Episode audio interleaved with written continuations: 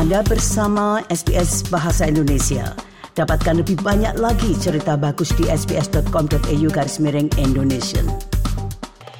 Saudara pendengar, lebih dari 40 organisasi yang melayani masalah perumahan, tunawisma, dan komunitas menandatangani sebuah surat terbuka kepada Perdana Menteri Anthony Albanese dan Peter Dutton yang berisi keprihatinan atas pengkambing hitaman para warga migran atas krisis perumahan yang sedang terjadi. Kelompok pembelaan Everybody's Home mengkoordinasikan sebuah surat terbuka dan menurut organisasi ini, kenaikan jumlah migran dari luar negeri dituduh sebagai penyebab krisis perumahan yang sebenarnya sudah dimulai selama beberapa dekade. Berikut ini laporan selengkapnya yang disusun oleh Sam Dover bagi SBS News. Anda mungkin sudah mendengar akhir-akhir ini para politisi dan beberapa media menuduh migrasi besar-besaran dari luar negeri ke Australia sebagai penyebab krisis ini terjadi.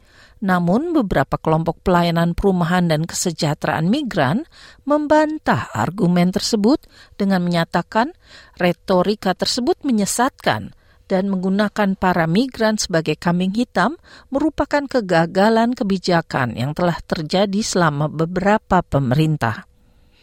Maya Isis, juru bicara dari kampanye Everybody's Home yang mewakili organisasi-organisasi perumahan tunawisma dan kesejahteraan, mempunyai tujuan untuk mengatasi krisis yang terjadi. Ia membantu mengkoordinasikan surat terbuka ini yang ditandatangani oleh 40 organisasi yang menghimbau Perdana Menteri Anthony Albanese dan pemimpin partai oposisi Peter Dutton untuk tidak menggunakan sentimen anti-imigran dan fokus pada akar permasalahan. It's really important that we get the causes of the housing crisis right because when we scapegoat the wrong problems or we scapegoat the wrong people, we end up with the wrong solutions. That's why we really wanted to come together around this open letter because it's government policy that created the housing crisis and only government policy can fix it.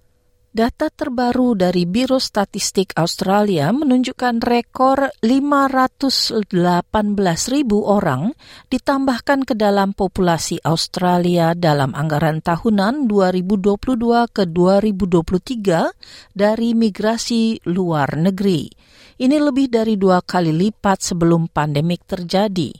Jumlah imigran dari tahun 2018 hingga 2019 tahun anggaran berada di angka 239.600 dan ini dipercaya akibat kelambatan proses migrasi yang tidak dapat masuk pada tahun 2020 hingga 2021 akibat penutupan perbatasan pemerintah federal mengumumkan strategi migrasi baru minggu lalu dengan tujuan mengembalikan migrasi ke jumlah sebelum pandemik pada tahun depan dengan menerapkan aturan baru yang lebih ketat bagi para pemegang visa sementara. Senator dari Partai Nasional, Matt Canavan, berbicara kepada Sky News hari Minggu lalu, menyalahkan migrasi yang menekan pasar perumahan. We had to open our borders. We didn't have to completely open the floodgates, though, and take in a number of people more than the, the city of Canberra in a year. And that has led to a significant amount of inflation and pain for a lot of Australians who can't find housing. Sementara itu Emma Greenhall, CEO dari National Shelter, sebuah organisasi non-pemerintah untuk meningkatkan akses perumahan dan daya beli. Ia percaya migrasi merupakan faktor ketika mempertimbangkan kesulitan pasar perumahan. Namun, menurutnya, politisi kadang membesar-besarkan dampaknya. We do think that it's been overstated. I think particularly when, you know, there were housing issues that occurred when the borders were closed, you know, during COVID. The main issue that we have is the fact that there is not enough housing and that was occurring during COVID. So, you know, I think what, what we're seeing is, yes, there is an increase in migration, but our housing problems you know, are not caused by migration. You know, they're adding, they might be adding an element of complexity to it, but they are not the cause of it. Bulan lalu, organisasinya mengeluarkan Indeks Tahunan Nasional ke-9, Shelter, SGS Ekonomi, dan Rencana Ketersediaan Persewaan. Dalam indeks tersebut ditemukan ketersediaan rumah sewaan memburuk di seluruh negara, khususnya di ibu kota negara bagian seperti Canberra dan Hobart selama 12 bulan terakhir. New South Wales, Victoria, dan Perth melihat ketersediaan turun secara drastis. Di Sydney turun 13 persen, Melbourne dan Perth turun sebesar 10 persen. Greenhall menggambarkan yang kompleks, namun ia menyalahkan kebijakan perumahan yang buruk selama beberapa dekade dengan mempromosikan rumah sebagai investasi yang dikumpulkan oleh orang-orang yang mampu daripada merupakan kebutuhan utama bagi semua orang. It's the less attractive proposition that this is a, a decline that's been decades in the making. You know, it doesn't sound particularly attractive I think, politically to be saying that um, it's a, a, failure of successive governments to, you know, invest in social and affordable housing to keep up with the demand. It's the policy positions of negative gearing and capital gains tax that, you know, makes it much more attractive to view housing as an investment and a commodity than, you know, as a home. Daftar tunggu perumahan sosial terus bertambah di seluruh negara akibat meningkatnya biaya hidup dan kurangnya konstruksi perumahan. Dengan data yang menunjukkan New South Wales dan Victoria menduduki tingkat perlamar sebanyak 57.204 dan 65.195. Ketua dari Federasi of Ethnic Communities Council Australia atau FECA, Carlo Carly, di mana organisasinya turut dalam penandatanganan surat terbuka yang ditujukan bagi partai-partai politik besar, mengatakan penyelesaian masalah ini harus dengan keinginan politik. We want the housing crisis to be tackled. We want a recognition that for 20 years there has not been enough social housing built. We want a recognition that there has not been enough housing units. The the amount that particularly the pressures on our regions and on our capital cities has been so great and that we have not had enough building to meet that demand.